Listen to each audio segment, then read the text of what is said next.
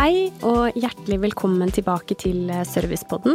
Podkasten for deg som jobber i For Service, samarbeider med oss eller er blant våre kunder. Mitt navn er Kristine Evensen, kommunikasjonsansvarlig i For Service, og skal lede oss gjennom denne syvende episoden. Velkommen til Servicepodden. Pandemien har skapt endringer i hvordan vi lever våre liv, og særlig gjelder det for arbeidsplassen, eh, der vi har sett en rekke nye rutiner ta form. Og hvordan fremtidens kontorplass blir, er det jo ingen som helt eh, sikkert kan si.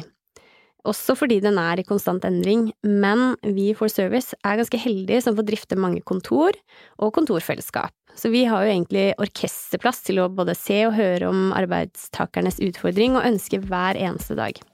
Og dermed har vi også muligheten til å skreddersy løsninger, nettopp for å møte morgendagens behov. Og en av dem som har fått ansvaret for akkurat det, er min gjest i dag. Så vi setter i gang og går rett til vår første faste spalte, Fire kjappe. Navn? Silje Fredrikke Sundt. Stilling? Det er eh, etablering og konsept for co-working. Fartstid i For Service? Nå er det vel litt over en måned? Det er ikke så veldig lenge. Ikke veldig lenge i det hele tatt. Nei. Men du har jobbet med co-working før? Ja, jeg har jobba med co-working for uh, International Workplace Group, som har både Spaces og Regus, og så har jeg vært innom hos Mesh en tur. Men hva er det beste med jobben din i dag?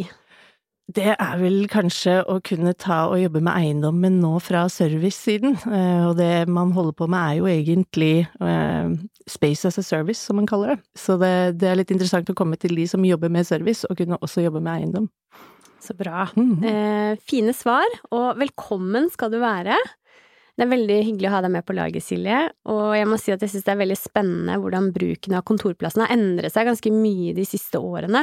Og for oss i For Service som jobber med å skape sosiale møteplasser i arbeidslivet, eh, hvor de gode samtalene deles enten det er på et møterom eller over lunsjbordet, så er det interessant å se nærmere på hvordan kontorene kan organiseres og utformes på ulike måter, rett og slett for å dekke ulike og endrede behov i markedet. Så da syns jeg vi bare skal kaste oss inn i den neste spalten, som er dagens tema. Og dagens tema er jo da naturligvis co-working, -hmm. et begrep som du selv var litt sånn kort innom, men kan du ikke begynne med å bare gi oss en forklaring på hva som ligger i konseptet co-working? Det er et ganske utvannet begrep eh, blitt, vil jeg si. Jeg tror det kommer vel fra mye av tech-industrien som vil sitte jobb sammen, eh, og kanskje lære av hverandre, og litt transparens og deling. Eh, mens det har kanskje blitt tatt over i et litt eiendomsperspektiv på sikt, så nå bruker alle det forskjellig. Noen tror det er åpne plasser, andre tror det er bare korte kontrakter, men jeg vil si kanskje det vi holder på med er jo fleksibilitet. Eh, man selger fleksibilitet i bauger og kanter innenfor eiendom, noe kanskje ikke de tradisjonelle eh, gårdeierne gjør. Eh, så man tilbyr korte kontrakter, fleksibilitet til å vokse, fleksibilitet til å jobbe hvor du vil, da. Takk for den oppklaringen, Silje.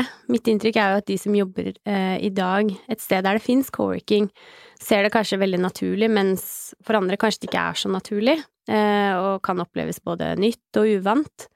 Men eh, du som har jobbet med dette ganske lenge, eh, hva tenker du er det beste med et sånt kontorfellesskap? Og hvilke typer mennesker og selskaper passer det for? Det tror jeg passer for de fleste, og det er vel det som kanskje har endret seg. Eh, det begynte med noe som var små og mellomstore selskap som kanskje fikk mer enn man klarer å få alene. Eh, til at det er et verktøy for vekst nå for de som har litt sånn eksponentiell vekst, eh, gjerne med teknologi, hvor det er vanskelig å planlegge hvor mange man skal ha på kontoret, og hvor mange man er bare seks måneder fram i tid. Så jeg tror nå også, til og med de store som sitter med store hovedkontor, eh, også trenger fleksibilitet, for de har snart ikke plass til alle på kontoret, og de planlegger ikke for det. Eh, og da vil ikke alle sitte på hjemmekontor, så da kanskje de trenger møterom og en arbeidsplass et annet sted. Eh, så det er forskjellige konsepter, det er forskjellige kunder. Og jeg tror det kan passe for mange, men de bruker det kanskje forskjellig. Eh, om det er en fast plass, eller om det er et sted de bruker som avlastning, eller om de bare gjør det av og til. Ja, ikke sant. Mm. Så det er en mulighet for ganske mange, egentlig. Mm -hmm. Men hva tror du, for eksempel de som jobber i et enkeltpersonsforetak, da, hva tror du det vil bety for enkeltpersoner å være med i et sånt kontorfellesskap? For et enkeltmenneske så er det jo kanskje det sosiale aspektet som er stort, eh, pluss at du oppfattes som kanskje litt større enn du egentlig er. Så når du kommer inn i et stort bygg med en stor resepsjon, så er det ingen som nødvendigvis ser kontoret ditt, du kommer bare inn på et flott møterom, eh, og det er gjerne noe du ikke kunne tatt deg råd til eller, eh, eller prioritert hvis du er bare én person, eller også to, tre eller fire. Ikke sant. Mm. Men hvis vi går litt tilbake, da. Nå, nå har jo ikke du jobbet her sånn veldig lenge, men har du fått noe inntrykk av hva som er unikt med våre kontorfellesskap? En ting er kontorfellesskapene, men det er også å se litt på hvordan behovene er på tvers, tenker jeg. Da man er jo allerede til stede mange steder. Man har allerede dialog med veldig mange gårdeiere, med veldig mange kunder som kanskje har behov for fleksibilitet. Så jeg tror det er en sånn todelt situasjon hvor man både må se litt på hvordan man kan utvikle produkter for de tradisjonelle leietagerne, men samtidig da også ha noe å tilby til de små og mellomstore bedriftene, da. Mm. Eh, så det som kanskje er annerledes, er at man er veldig integrert eh, inn i tilbudssiden for hele bygget, eh, og sammen med gårdeier, og løser en utfordring for de, eh, som er litt annerledes enn de andre tilbyderne på markedet. Vi hører ofte snakk om fremtidens arbeidsplass, men eh, hvordan tror du utviklingen vil bli i årene som kommer? Altså beveger vi oss alle mot et fremtidig kontorfellesskap?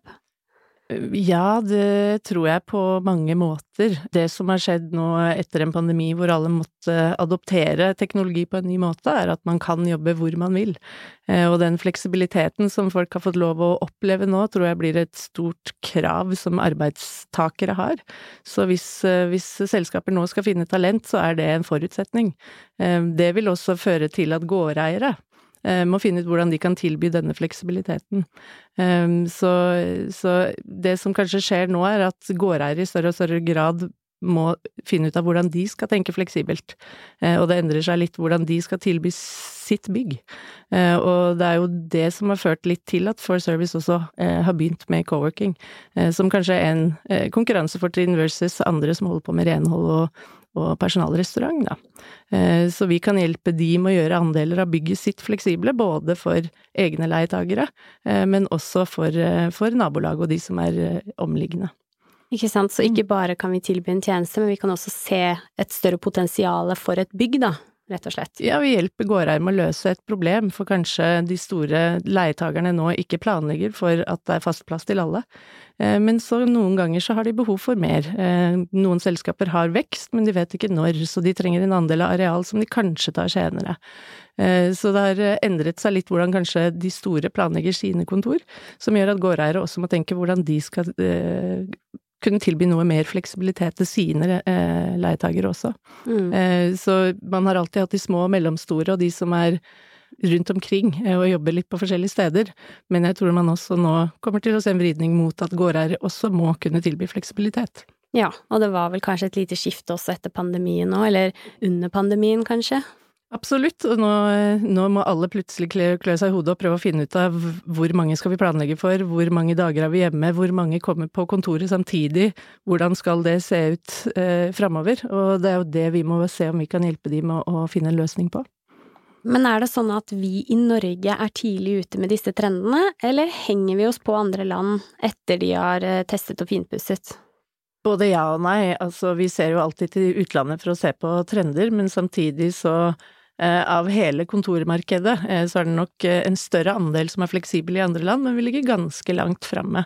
Men i kjempestore byer som London og New York, hvor det er mye større selskap, det er større avstander, så er det nok en større andel. Men jeg tror jo også at det er mer enn en trend. Fordi det her handler om krav fra arbeidstakere som krever fleksibilitet, og også en måte å kunne spare penger på da for de som sitter med store, tomme næringslokaler. Ok, så det er kanskje mye som står tomt? Det er jo sånn at i en arbeidsdag så er man ganske mye her og der, så man sier at eh, nesten 50% av arbeidsplasser står tomme i løpet av en dag. Eh, enten om det er i møte et annet sted, eller om det er møte internt. Så, så det er helt klart at det kan bli bedre utnyttet. Bra. Tusen takk for at du tok deg tid, eh, Silje, til å komme hit i studio i dag, og lykke til videre med tiden fremover. Jeg gleder meg i hvert fall til å høre enda mer om co-working i tiden som kommer. Takk. Og takk til deg som har lyttet med. Abonner gjerne på podkasten, og skulle du ha noen innspill eller spørsmål, så kan du sende det til podkast at forservice.no, eller som direktemelding på Instagram-kontoen forserviceno. Vi høres snart igjen.